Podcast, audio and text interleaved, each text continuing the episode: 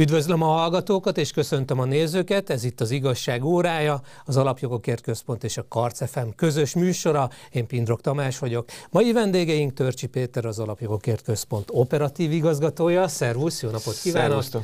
És Kovács Attila, az Alapjogokért Központ Európai Uniós kutatási igazgatója, szervusz, jó napot kívánok! köszöntöm a kedves hallgatókat! A mai témáink színes forradalomra készül az ellenzék, vagy már ez van? Hát már évek óta egyébként. Milyen Tehát, hogy, hát, most nem tudjuk. Ilyen szivárvány színű, mint a koalíciójuk. És határátlépés, külföldi tőkebefektetéseket is blokkolni akarja az Unió, ezzel foglalkozunk a második részben, bár a témák összefüggnek természetesen. Na hát nézzük ezt a színes forradalmat, Karmelita Korostornál. Alinski, Popovics az ember eszébe jut ilyenkor, de már 13 éve az eszünkbe jutnak ezek a nevek, akik Nyugat-Európában vagy Szerbiában a, a forradalmak elindítói voltak, ideológizálják ezeket a forradalmakat, színes forradalmak. Itt az ellenzék beleállt ebbe, most már évek óta ezt csinálják. Van még valamit, mit remélnek ettől, mert politikai haszna én nem látom, hogy lenne. Szerintetek? Nyilván pénzt. A feladatot teljesítik, ez a feladat, hogy zavart kell kelteni, valamiféle politikai terméket előállítani, mivel be lehet kerülni a médiába. Minél hangosabbak, annál nagyobb felület ellátszanak, de ez volt egyébként 18-ban is, akkor is tönkreverte őket a magyar jobboldal, és ők rabszolgatörvénynek nevezték, de valójában a munkatörvénykönyvének volt egy egyébként a, a piaci logikához igazított változtatása, akkor meg obstruáltak a parlamentben, meg jó, jóformán megidézték az 1900-as évek elejét, amikor szintén a baloldal e, nagyjából rom, romokat csinált, meg lövöldözött a Magyarország gyűlésben. Visszajutunk oda, ahova mindig, hogy ezek ugyanazok.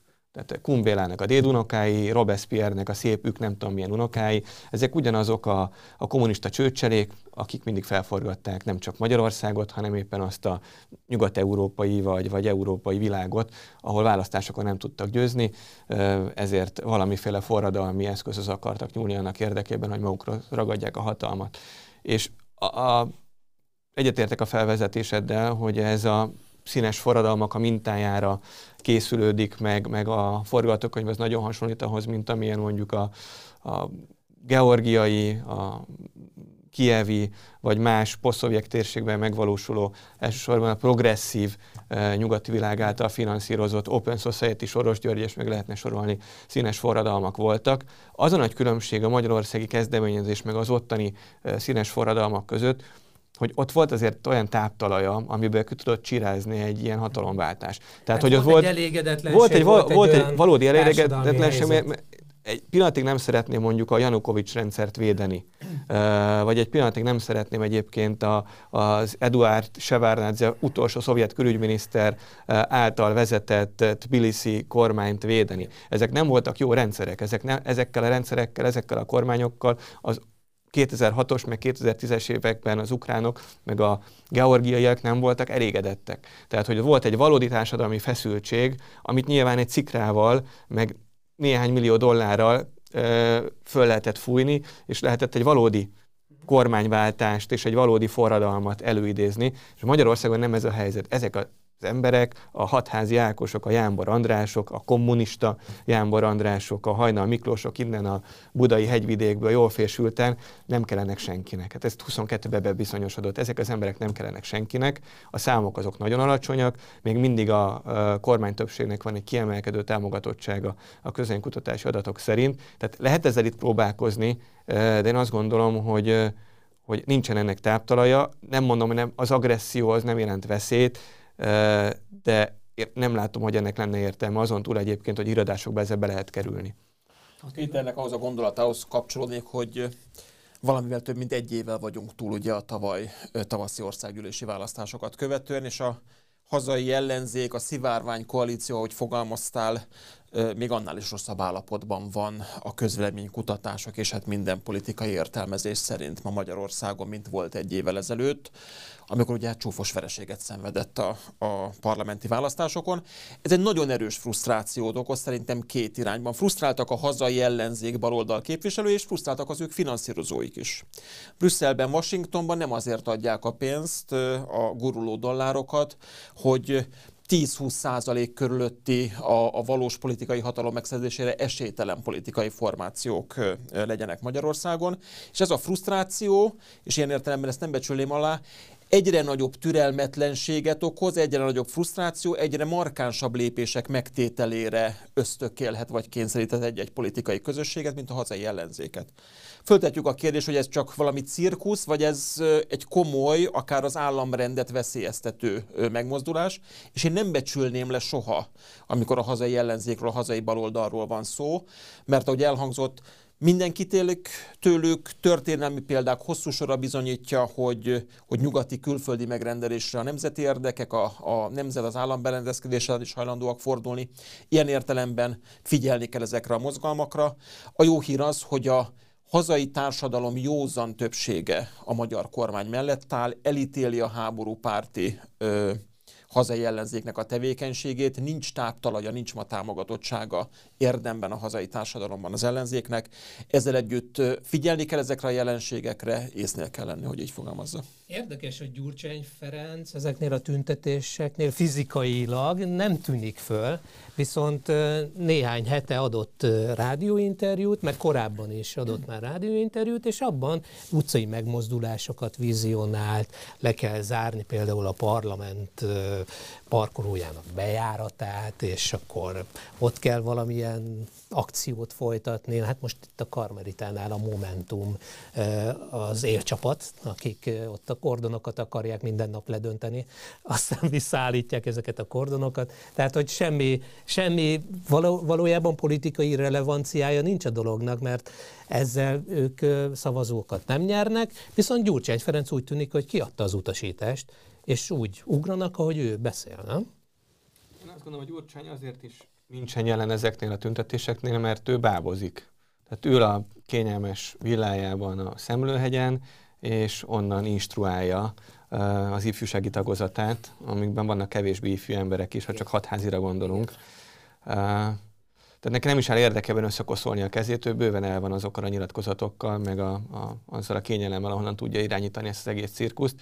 És itt két dologról van szó. Van szerintem egy belpolitikai relevanciája, Gyurcsány valóban maga alá akarja gyűrni az összes baloldali pártot, és ezt jól is csinálja, megüzente ugye a Karácsony Gergelynek, hogy ha nem áll bele még keményebben a kormányba, akkor nem fogja tudni támogatni majd a jövő évi önkormányzati választásokon főpolgármesteri jelöltnek. Karácsony másnap egyébként be is állt a sorba, és elkezdett cirkuszolni ezzel, a, hogy ők nem fizetik ki a szolidaritási adót által úgy mondottan, hogy a, a kormánynak, vagy nem a kormánynak jár, hanem azoknak a e, rosszabb anyagi helyzetben lévő magyar településeknek, akiket jobban megviselt a Covid-válság, majd a e, háborúnak a következményei gazdasági értelemben, zárójel bezárva.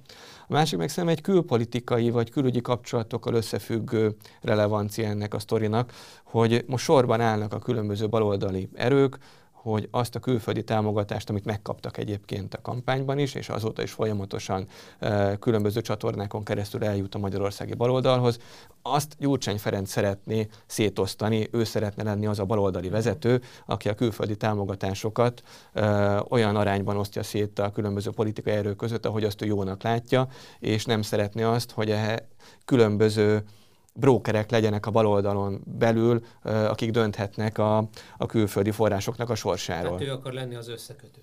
Így van. A, nem csak összekötő szeretne lenni, hanem egyértelműen a hazai ellenzék vezére, és, és azt kell mondanom, hogy ezen jó úton halad. Tehát ugye megnézzük ugye a sokszínű 6 hét, legalább 6 hét pártból álló ellenzéket, akkor jó pár pártot már maga alá gyűrt. Jobbikot most szerintem sok szempontból a Momentum van, van soron. Gyurcsány Ferencnek a politikai pályáját itt mindenki ismeri, nem idegen tőle az erőszak, az erőszakra való felbújtás, az utcai politizálás, az utcai erőszaknak a kérdése. Ez most a Momentumnak adja Gebinbe, akik örülnek, hogy ilyen értelemben megtalálta őket a politikai feladat, politikai innováció hiány legalább most van mit csinálniuk. És ahhoz a gondolathoz, Péternek ahhoz a gondolatához kapcsolódnék még, és ez nagyon látszik most, hogy a következő szereplő az a Karácsony Gergely egy sokkal erőszakosabb, sokkal konfrontatívabb, sokkal, hát hogy így fogalmazok, utcai politizálást várna el a, a fővárosi polgármestertől Gyurcsány Ferenc. Ezt megüzente, Karácsony azonnal haptákba vágta magát és teljesíti a, a megrendelést. Zárója ez jól mutatja azt, hogy Gyurcsány ugye ő fűzi a szálakat az ellenzéki oldalon, de jól mutatja Karácsonynak a gyengeségét, és hogy önállóan semmilyen politikai, érdemi politikai teljesítményre nem képes, csak Gyurcsány Ferenc sugallatára. Ez nem sok jót jelent általában a kampány kultúráját, illetően a jövő évi önkormányzati és európai parlamenti választások előtt. Úgyhogy egy nagyon éles politikai küzdelemre van kilátás, ahol a, a nemzeti erőknek, a nyugodt erőknek, a békepárti erőknek ö, mindenféleképpen győzedelmeskedniük kell. Néhány hónapja Magyarországon járt a USAID vezetője, ez egy amerikai állítólag, hát ezt mondják róluk, hogy a CIA-nek bekötött szervezet vezetője, Power asszony, hát a nevéből is. Igen, beszélő nevek, nem csak Pressmanunk van, hanem van egy Power, egy hatalom eh, nevezetű hölgyemény is, aki... Good már Igen, Good friend már ne is említsük. Tehát eh, van valamilyen kapcsolat eh, a mostani történések és az ő lá... Lehet-e, inkább itt kérdezem, lehet-e valamilyen kapcsolatot felfedezni a történések forgatókönyvében? Röviden igen. Röviden igen, de azért mielőtt ezt kibontjuk, érdemes azt, azt rögzíteni, hogy, hogy van az Egyesült Államok, amelyik egy sokszínű ország, de ami a legfontosabb az Egyesült Államok és Magyarország relációban, az a szövetségi rendszer. Hogy most vannak feszültségek, amiket kár eltagadni, és talán ilyen rossz állapotban a két ország kapcsolata még nem volt, mint a mondjuk a modern kori történetben, történelemben, tehát a 89-es rendszerváltoztatás óta eltelt időszakban, de ennek nem az az oka, hogy a két ország egyébként ne lenne stratégiai partner egymásnak, hanem az az oka, hogy egyrészt van egy uh, szélső baloldali vók uh, banda által vezetett tulajdonképpen, vagy legalábbis befolyásolt demokrata kormányzat, hiszen önmagában én aztán tényleg nem vagyok egy nagy támogatója Joe Bidennek, de maga Joe Biden, a jelenlegi amerikai elnök, azért 50 éve van a politikában. Nem gondolnám róla, nem feltételezném róla azt, hogy ő a tényleges zászlóvívő és szószólója annak a Vogue lobbynak, a, amelyik a demokrata párt körül sertepertél. De annyira erősek, annyira erőszakosak és annyira befolyásosakká váltak a transzneműek, a, a, az LMBTQ emberek és a különböző egyébként a nyugati kultúrától eltérő érdekeket képviselő lobbycsoportok a demokrata párt környékén, hogy ezek azok a politikai meg befolyásoló erők az amerikai baloldal környékén, amelyek egyébként meghatározzák a mainstream vonalát is az hát amerikai a kormányzatnak. A Samantha Power ennek a csapatnak Így van. szimbolikus itt, alakja? Itt, itt, itt szeretnék eljutni majd ahhoz a kérdéshez, uh, amit feltettél, hogy van egy ilyen erős, erőszakos, befolyásos lobbycsoport, uh, amelyhez kapcsolódik valamilyen formában talán a, az amerikai nagykövet is, a budapesti nagykövet, illetve Samantha Power, aki meg valóban annak a USAID-nek az egyik képviselőhelye, amelyik USAID-nek egyébként az lenne a dolga, hogy olyan harmadik világbeli országokba vigyen különböző programokat, segélyeket, jó gyakorlatokat, hogy stabilizálja a politikai helyzetet a Afrikában, Ázsiában, közel-keleten, más helyeken. Tehát ilyen értelemben a USA-nek semmi keresni valója nincs, egy szövetséges ország, NATO tagok vagyunk, EU tagok vagyunk, demokraták vagyunk, barátai vagyunk az Egyesült Államoknak, különösen nehéz elviselni azt, hogy egy baráti országból érkezik valaki ide, aki ki akarja oktatni a magyarokat demokráciából, meg, meg piacgazdaságból, meg egyebekből, az meg különösen rosszul esik, hogy, hogy úgy szeretne pénzeket elkölteni, hogy egyértelműen az aktivista baloldali sajtó profitáljon ebből Magyarországon, amíg nem a magyar érdeket képviseli a megnyilatkozásaiban, meg azt a felforgató baloldalt támogassák el pénzzel vagy gondolatokkal, amelyik egyébként erőtlen, de mégiscsak, ahogy Attila is mondta az előbb, hogy, hogy ezekkel a megmozdulásokkal, erőszakos megmozdulásokkal tulajdonképpen ha valójában nem is, de elméletileg azért veszélyt jelent az alkotmányos rendre, hogy, hogy be akar törni tulajdonképpen a miniszterelnöki hivatal épületébe, akár erőszakkal is. Tehát ezek, ezek szerencsétlenek, ezek nem jó kezdeményezések, de én azt gondolom, hogy ez nem Amerika, ez az amerikai szélső baloldalnak az egyik képviselője, amelyik nem hajlandó elfogadni azt, hogy konzervatív kormányok is tudnak a nyugati világon belül sikeresek lenni. Attila? Ha már ugye az előbb a szómágiánál tartottunk, akkor a USAID az ugye amerikai segítséget jelent, hogy így fogalmazzak. Na most ez az amerikai segítség, és azt hiszem Gulyás Gergely miniszter úrnak volt a gondolat, ez 66 évet ugye elkésett legalább egyszer a történelemben amikor az 56-os forradalom kapcsán ugye egy ország várta a nyugati segítséget az Egyesült Államoktól döntően.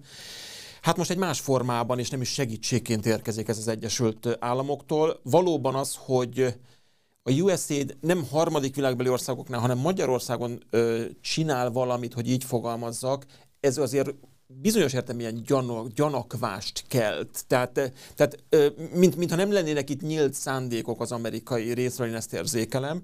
Az amerikai politikának ugye értelmszerűen van egy hard és egy soft része. A soft része, tartozom, vagy gondolom azt, amikor például NGO-kon, politikai NGO-kon keresztül befolyásolják egy adott országban a közbeszédet, a politikai hangulatot, a politikát magát. A, a keményebb része sajnálatos módon az, amikor azt látjuk, hogy amerikai, Amerika a világ bizonyos pontjai mondjuk fegyveres konfliktusba kerül másokkal. A USAID valahol a kettő között van, kormányzati szervezet, de mégis inkább talán így a lágyabb vagy a finomabb megoldásoknak a része. És még egy gondolat, ami fontos és aktuális is, ez pedig valóban az, hogy az Egyesült Államok politikai élete az egy nagyon-nagyon sokszínű. Ugyan, ugyan két nagy párt dominálja az amerikai politikai terület, de mind a demokrata, mind a republikánus oldalon ez egy nagyon sokszínű ö, társaság. Nem csak ez a szélső baloldali amerikai politika létezik, aminek most vagyunk a szemtanúi, hanem van egy a nemzeti érdekeket, a transatlanti partnerséget, és nagyon fontos, hogy partnerségről beszélek, nem aláfölé rendeltség viszonyról, fontosnak tartó konzervatív republikánus oldal is. És azért hozom ezt ide a mostani beszélgetésre, mert ugye néhány nap múlva Szípek Magyarország, Szípek Budapest lesz az Alapjogokért Központ szervezésében, másodjára kerül megszervezésre idén májusban, amikor az amerikai konzervatív politikai élet meghatározó szereplői teszik tisztüket itt Budapesten. Ebből is látszik, hogy Magyarországnak, a magyar ö, politikai elitnek, a kormánynak, a kormányzó pártnak nagyon komoly és nagyon baráti amerikai kapcsolatrendszer és amerikai szövetségi rendszere van. Abból tehát, amit az éppen hatalmon lévő baloldali, szélső baloldali demokrata kurzus mutat és nyilatkozik Magyarországról, beszemenő következtetéseket én nem vonnék le.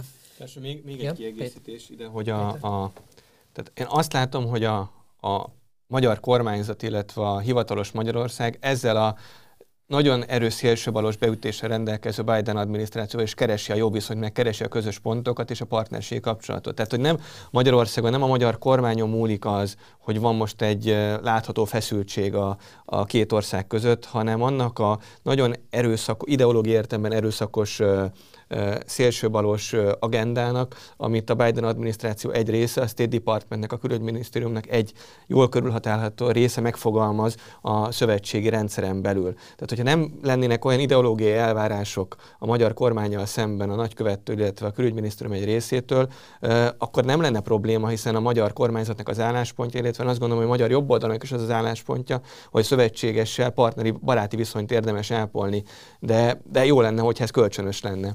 És az ideológiai kérdések mellett, bocsánat, még egy kielég, kiegészítés, még egy nagyon fajsúlyos kérdés, ami az elmúlt egy évben került sajnos az asztalra, ez a béke kérdése. Magyarország békepárti álláspontot foglal el az orosz-ukrán konfliktus kapcsán. Az Egyesült Államok pedig a fegyverszállítások további folytatásával gyakorlatilag ennek a konfliktusnak a kiszélesítését vagy elhosszabbítását támogatja. Ez egy nagyon fontos különbség a magyar kormány a békepárti. De jön olyan republikánus politikus a szípekre, aki a háború ellen emelt szót például. Abszolút nem, nem csak egy többen is jönnek az amerikai jobboldaltól, akik valóban nagyon hasonló álláspontot foglalnak el a háború kérdésében a magyar kormányzattal összefüggésben, tehát nagyon hasonló a magyar jobboldal és az amerikai jobboldalnak az álláspontja, hiszen annak ellenére egyébként, hogy az még akár nem elfogadható, de megérthető, hogy a Amerika, mint a, a nyugati világnak, sőt az egész világnak az egyik legbefolyásosabb, legnagyobb szuperhatalma, mondjuk eltérő érdekekkel rendelkezik egy ilyen konfliktusban, mint amilyen az orosz agresszió Ukrajna területén. Nyilvánvalóan magyarok azért is vagyunk a békepártja, mert nagyon közel van hozzánk ez a konfliktus. Tehát minden nap, ami háborúskodással telik el Ukrajna területén, annál kevésbé érezheti magát ez a régió biztonságban, és annál nagyobbak a gazdasági, meg egyéb társadalmi következményei is ennek a konfliktusnak. Lehet, lehet ettől eltérő érdek a nyugati világban, lehet az amerikai érdek ettől eltérő, de mindezek ellenére van az amerikai jobboldalon belül egy olyan hangsúlyos tábor, amelyik az eltérő érdekek ellenére is ugyanazt a békepárti álláspontot képvisel, mint Magyarország. És fontos, hogy lássa a, a, nem csak a magyar, hanem a minél szélesebb körű európai, amerikai közvélemény, hogy nem az a helyzet, hogy van egy nyugat, amelyik háborúpárti, és van egy közép-európa, azon belül is Magyarország, amelyik inkább a békepárti narratívát hangsúlyozza, hanem a nyugati világon belül is vannak egyébként a magyar kormányzati állásponttal megegyező vélemények, tehát egy egész széleskörű együttműködés és politikai, ideológiai gondolkodás van a békepárti politikai álláspontot kép, hogy ezzel kapcsolatban. Ez csak azért is fontos kihangsúlyozni, mert a progresszív sajtó, a progresszív politikai elit, ez folyamatosan azt, azt hangsúlyozza, hogy a békepárti álláspont az egy, egy elszigetelt, elszigetelt. elszigetelt álláspont a nyugati világon belül. Ez nem igaz, hanem a, a háborúpárti vagy az eszkaláció irányába mutató álláspont az, amelyik hangosabb a békepárti álláspontnál, de ez nem jelenti azt, hogy egyértelmű többsége van a nyugati világon belül ennek az álláspontnak. Nagyon izgalmas téma lenne, néhány percünk van még itt az első fél időben, azt megnézni, hogy ezek a magyar képviselők, akik ott vannak a Karmelitánál, momentumosok, Karácsony Gergely is feltűnt, a fia is feltűnt, miért fiatalokat tolnak maguk előtt?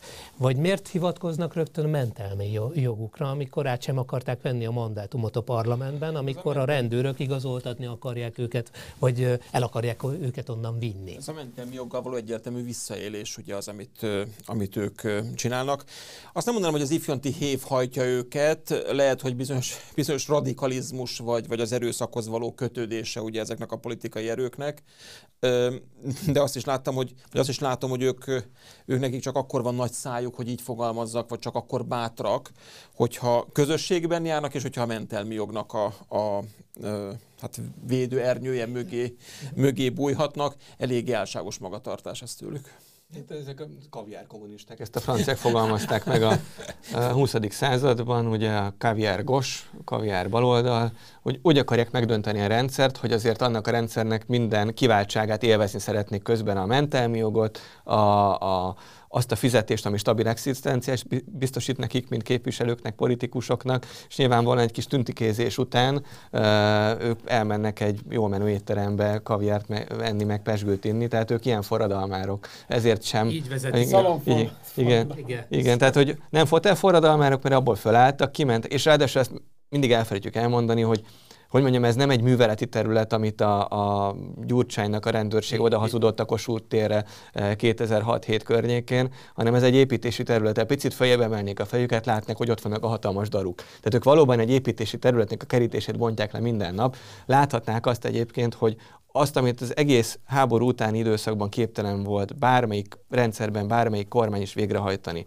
a roboknak az eltakarítását és a gyönyörű épületeknek a visszaépítését. Ezt most az Orbán kormány elkezdte 2010 után.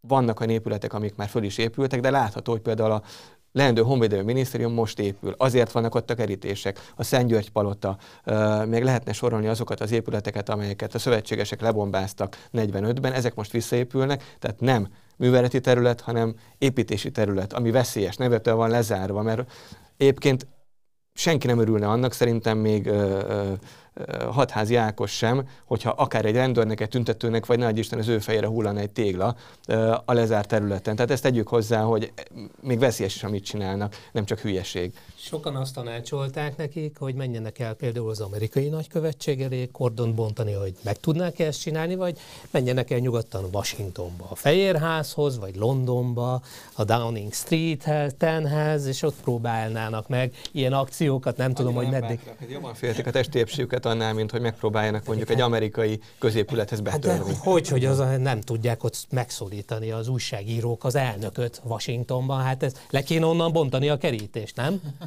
Egy megoldás lenne. Ez az első félidő volt, de jövünk vissza nem sokára azzal, hogy most már a baloldal és a csatolt részei azért dolgozik Brüsszelben, hogy ne érkezzenek tőkebefektetések Magyarországra. Ez egy határátlépés? Megbeszéljük. Az igazság órája. Sorskérdésekről őszintén az Alapjogokért Központtal. Az igazság órája. A műsorvezető Pindrok Tamás. Folytatjuk is az igazság óráját, az Alapjogokért Központ és a Karc FM közös műsorát Törcsi Péterrel és Kovács Attillával. Én továbbra is Pindrok Tamás vagyok, és nézzük, hogy az ellenzék nem csak szimbolikus politikát folytat, tehát nem csak tüntikéznek, hanem bizony úgy tűnik, hogy Brüsszelben is most már szintet léptek. Azért dolgoznak, nem csak azért, hogy Magyarország ne kapja meg a nekiáró forrásokat az Európai Bizottságtól, hanem azért is, hogy a külföldi tőke ne jöjjön Magyarország Magyarországra. Itt a német tőkéről beszélünk, egy akciót folytatnak az Európai Parlamentben, hogy, hogy ezek a ezek a nagy befektetők ne jöjjenek Magyarországra. A német és a magyar ipar összeforrott. Az autóipart vehetjük, de a kiskereskedelmi láncokat is vehetjük ide. Mi ennek a lényege? Hát saját maguk ellen is dolgoznak, nem? Hát a német tőke jó jár velünk. Ezek a kommunisták minél rosszabb Magyarországnak, annál jobb nekik. Én, talán minden héten ugyanoda lyukadunk vissza, hogy ez mindig így volt, tehát nem változtak, nehogy bárki azt gondolja, hogy ezek megváltoztak volna. Minél többet tudnak ártani a saját országoknak, ők annál jobban érzik magukat, mert ez a politikai filozófiájuk. És azt is rendbe kell tenni, azt a felemás, álszent, hazug álláspontot, hogy nekik nem a magyarokkal, meg Magyarországgal van bajuk, ők nem az ország érdeke ellen cselekszenek, hanem nekik a kormányjal van bajuk, mert ők azt gondolják, hogy ez a kormány korrupt. De én a miniszterelnököt idézném, amikor talán 18-as választások után ö, felhívta a figyelmét a patkó baloldalának, hogy nézzenek a táblára. Nézzenek ezek a képviselők a táblára. Tehát nem a, ők nem a kormány ellen cselekszenek, a magyar emberek érdekeivel ellentétes álláspontot képviselnek, és a magyar embereket akarják megfosztani azoktól a forrásoktól, amik az országnak járnak, és nem fideszes, meg nem fideszes emberek fogják, vagy nem csak a fideszes szavazók fognak profitálni azokból a forrásokból, hanem mindenki, ők is. Az a kerületi szebb lesz, ahonnan ők nyerték a mandátumokat. Az országnak az a része is, ahonnan ők származnak, profitálni fog abból, hogy a források megérkeznek, út épül, iskola épül, zöldebb lesz a környezet, jobb lesz a CO2 kibocsátás, egyebek. Tehát nem, nem igaz az, hogy a kormányal ellentétesen próbálnak ők politizálni, az országgal ellentétes álláspontot képviselnek, mert minden egyes eurocent, amivel kevesebb érkezik ide, azzal a magyar falvakban élők, a magyar városokban élők fognak rosszabbul járni, és nem tudom, mikor fogják felismerni azt a tényt, hogy amíg ezt a politikát folytatják Brüsszelben vagy Budapesten, addig bármikor fölnézhetnek a táblára, ugyanazt az eredményt fogják látni, amit eddig 18-ban is láttak, meg amit 22-ben is láttak. Nemrég talán Molnár Csaba, a Demokratikus Koalíció képviselő, európai parlamenti képviselő nyilatkozott úgy, hogy hazafias kötelezettségének, kötelességének tekinti, hogy az uniós forrásoknak a, a az uniós forrásoknak a Magyarországra. Na most e- ezt a kijelentést halva már csak az a kérdés valóban számukra, hogy akkor hol van az ő hazája, és hol is a haza számára.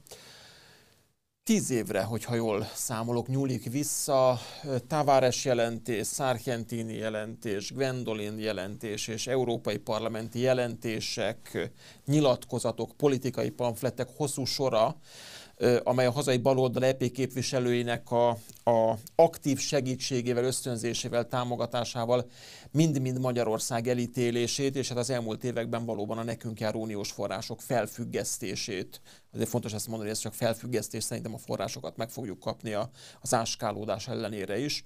Tehát van egy hosszú éve ennek, és valóban ennek a következő felvonása, vagy a legutolsó lépcsője volt az Európai Parlament Költségvetési Ellenőrző Bizottságának, ez az ominózus néhány nappal ezelőtti ülése Valóban az uniós források mellett most már a külföldi tőkebefektetéseket is támadják, de azért egy dolgot tegyünk tisztába. Amikor 2004-ben Magyarország belépett az Európai Unióban, amikor még a rendszer változtatást követően megnyitotta piacait a külföldi cégeknek, akkor volt egy kimondott, kimondatlan politikai, gazdasági megállapodás Nyugat és, és Kelet-Közép-Európa között.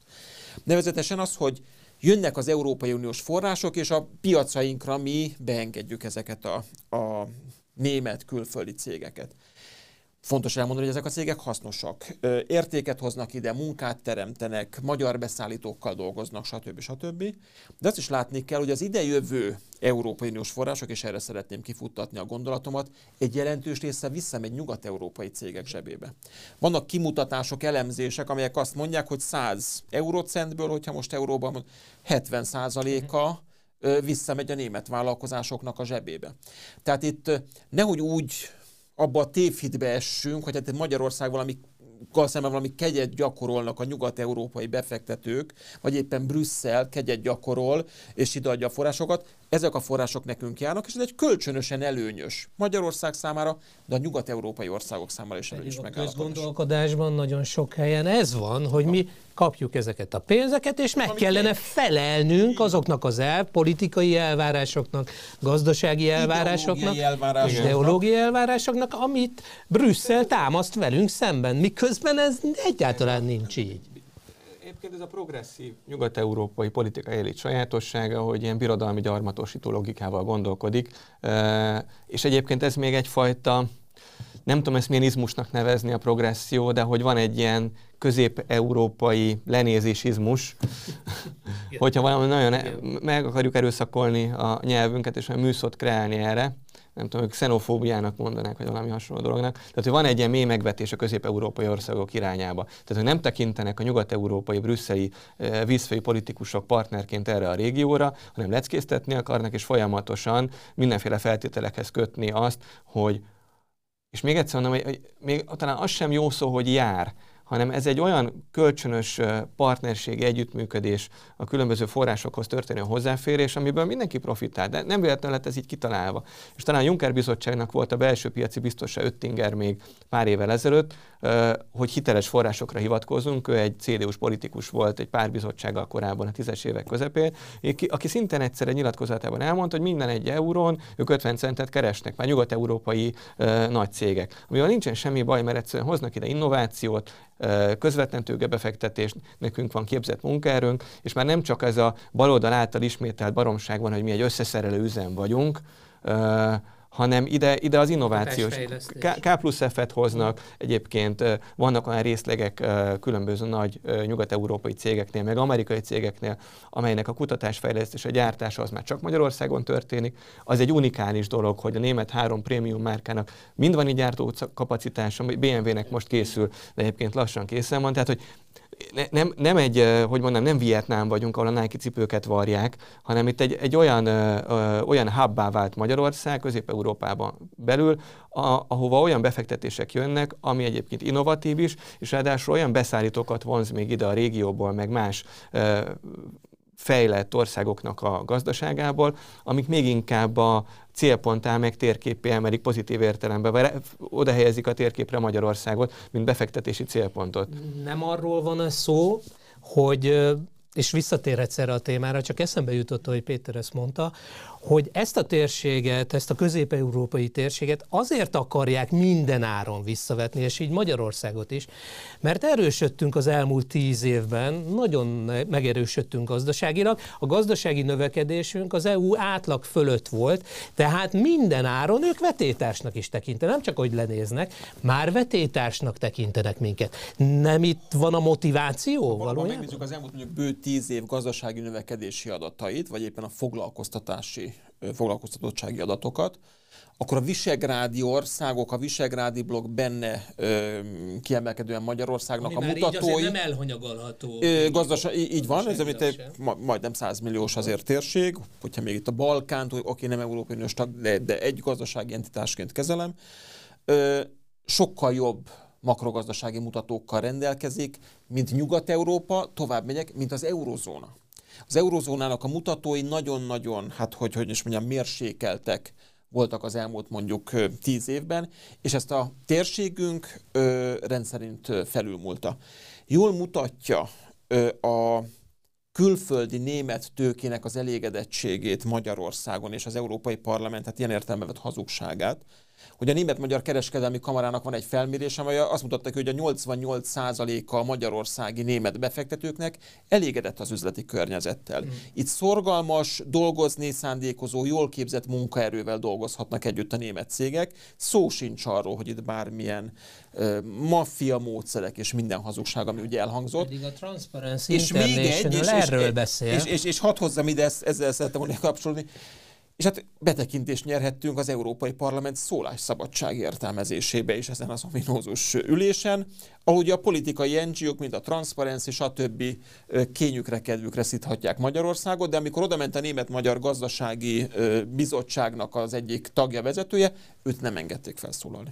Pedig aztán ő lenne az illetékes ezekben Itt az ügyekben. De ő, aki 30 éve azt Magyarországon dolgozik. is rúgtak vele, mert nyilván most nem fog eszembe jutni az úriembernek a neve, de iratkozott a sajtónak, nem csak a magyarnak, hanem a nemzetközi sajtónak, és elmondta, hogy egyrészt hogy felháborítja, hogy nem mehetett be, és tudj is, hogy miért nem mehetett be, mert elmondta volna azt, amit az Attila az előbb említett, hogy a német működő tőkének kizárólag pozitív, nem kizárólag, de 90%-ban pozitív tapasztalata van, ahol, tehát hogy mondjam, nincsen több vitája a német nagytőkének a, a magyar állammal, mint bármelyik másik Európai Uniós tagországnak az államával és azt is hangsúlyozta, hogy nem csak a gazdasági, de az adózási, a munkaerőpiaci, a politikai környezet az mind megfelel annak. Tehát, hogy volt is egy ilyen cikk egy pár évvel ezelőtt az Indexen, hogyha német nagytőke tehetné, akkor a Fideszre szavazna, mert annyira jól érzi magát itt. És ez nem csak a német nagytőkére igaz, hanem uh, szintén most látott napvilágot az Ökonomusz gazdaságkutatónak egy elemzése, hogy az amerikai tőkebefektetések és az amerikai tőkének a helyzete az mennyire jó Magyarországon. Csak egy uh, adat, hogy több embert foglalkoztat a, a, amerikai cégek Magyarországon, mint Lengyelországban,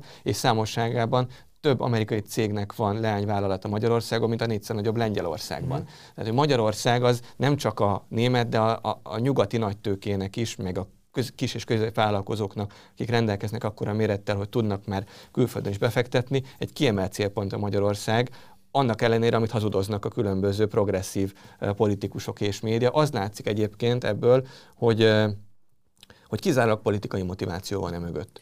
A jogállamiság kérdésekkel láthatólag nagyon nehezen tudják Magyarországot megfogni, nem azért, mert eh, ügyes, ilyen értelemben a magyar kormány elhajol az ütések elől, hanem azért, mert nincsen felület. Uh-huh. Tehát nincsen minket hol ütni, mert egyszerűen rendben vannak a, a jogállamnak a fundamentumai Magyarországon, az alkotmányos rendszer kiválóan működik, a befektetési környezet is kiválóan működik. Most próbálnak, ez a jogállamisági lövöldözés, ez nem jött be, a és mondta, tíz éve próbálkoznak ezen, és még olyan komoly találat nem érte Magyarországot, mert nem volt mit lőni, nem volt kinn a céltábla. Most próbálkoznak azzal, ami egy nagyon aljas dolog, hogy a gazdasági prosperitást csökkenteni, remélve ezzel azt, hogy meggyengítik majd a, a jelenleg hivatalban lévő magyar kormányt azzal, hogyha itt lelassul mondjuk a működőtőke befektetés, vagy adott esetben mondjuk sikerül politikailag úgy zsarolni komoly nagy nyugati cégeket, hogy vonják ki a tőkét és fektessenek be máshova, ez, ez mondjuk egy gazdasági lassulást eredményez, most ezzel próbálkoznak. Úgy egyébként, hogy saját maguk lesznek a kárvalótjai annak, nem, nem fog ez bekövetkezni, a tőkének több esze van, mint a politikának. Tehát a tőke, ne, tő, igen, tőke nem fog ö, egyik napról a másikra kimenni innen, meg majd nem befektetni, amikor egyébként neki az érte, érdeke profitot termelni, és hogyha itt tud profitot termelni, akkor itt fog profitot termelni, ö, hanem azért is probléma ez, mert ahogy Öttinger is mondta, meg ezek a különböző magyar, illetve más közép-európai kutatóintézetek által végzett számítások azt bizonyítják, hogy megéri mindenkinek, ez egy win-win játék, mindenkinek megéri befektetni Közép-Európában.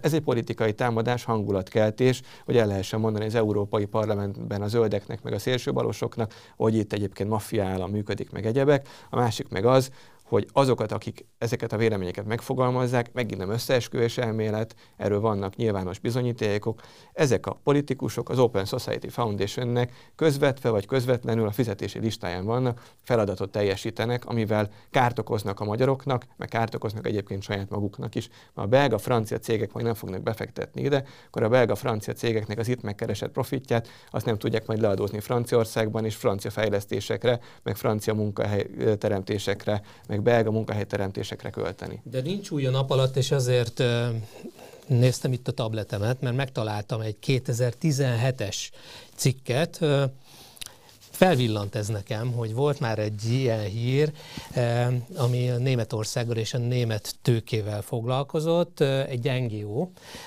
a TASZ-nak az akkori képviselője, Dénes Balázs. Igen, pontosan, így van, hogy ők is Soros által támogatott szervezet.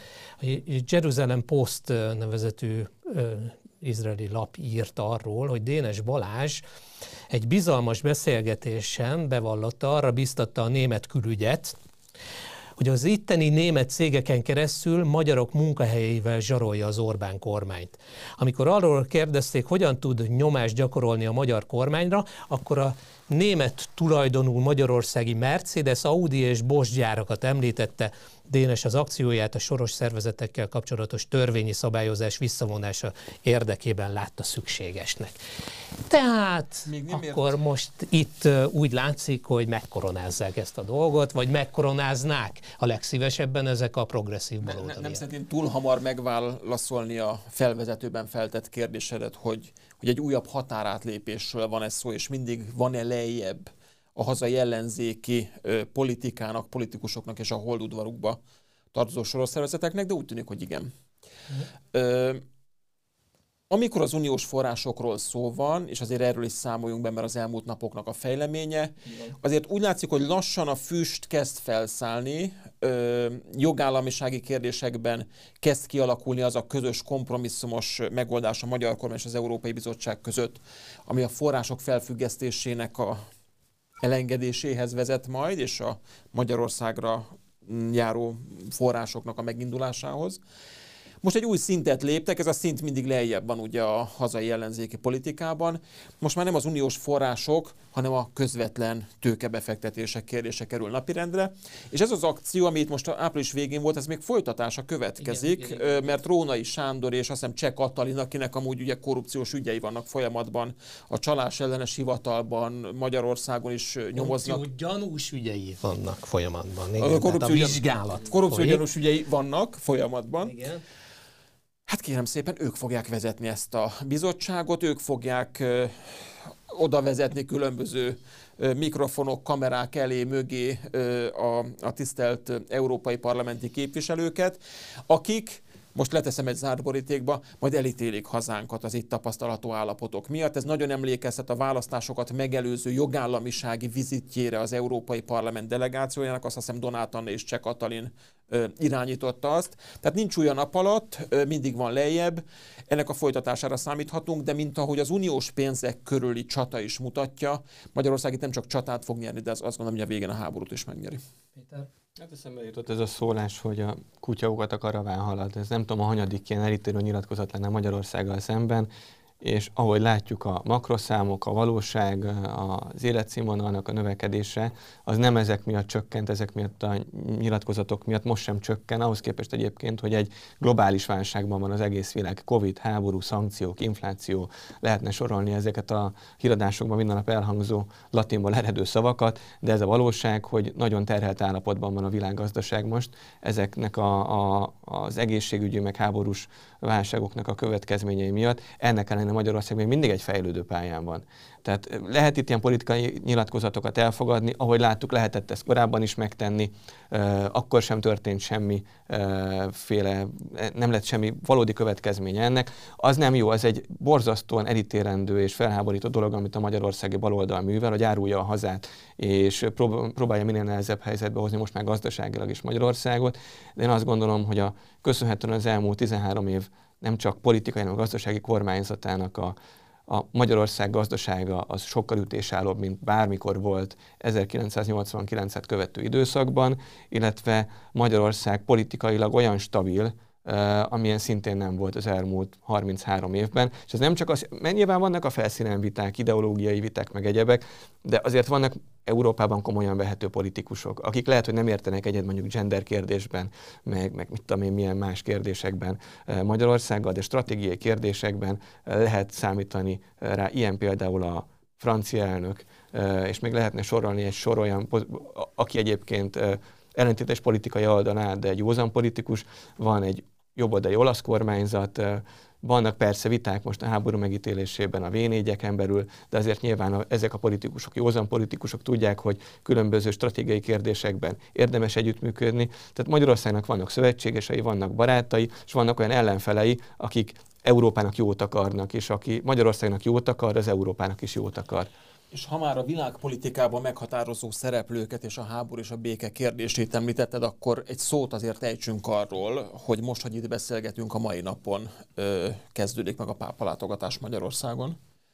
Igen, és amikor a, felvétel. Így van, amikor a világpolitikában ugyan egyházi vezetőként, de mégiscsak egy olyan, ö, hogy a világ minden sarkán figyelnek a szavára, és a hazai békepárti álláspontot is a, az elmúlt időszakban azért a pápának több nyilatkozata, hát hogy is mondjam, csak megerősítette, egybecsengett ezzel.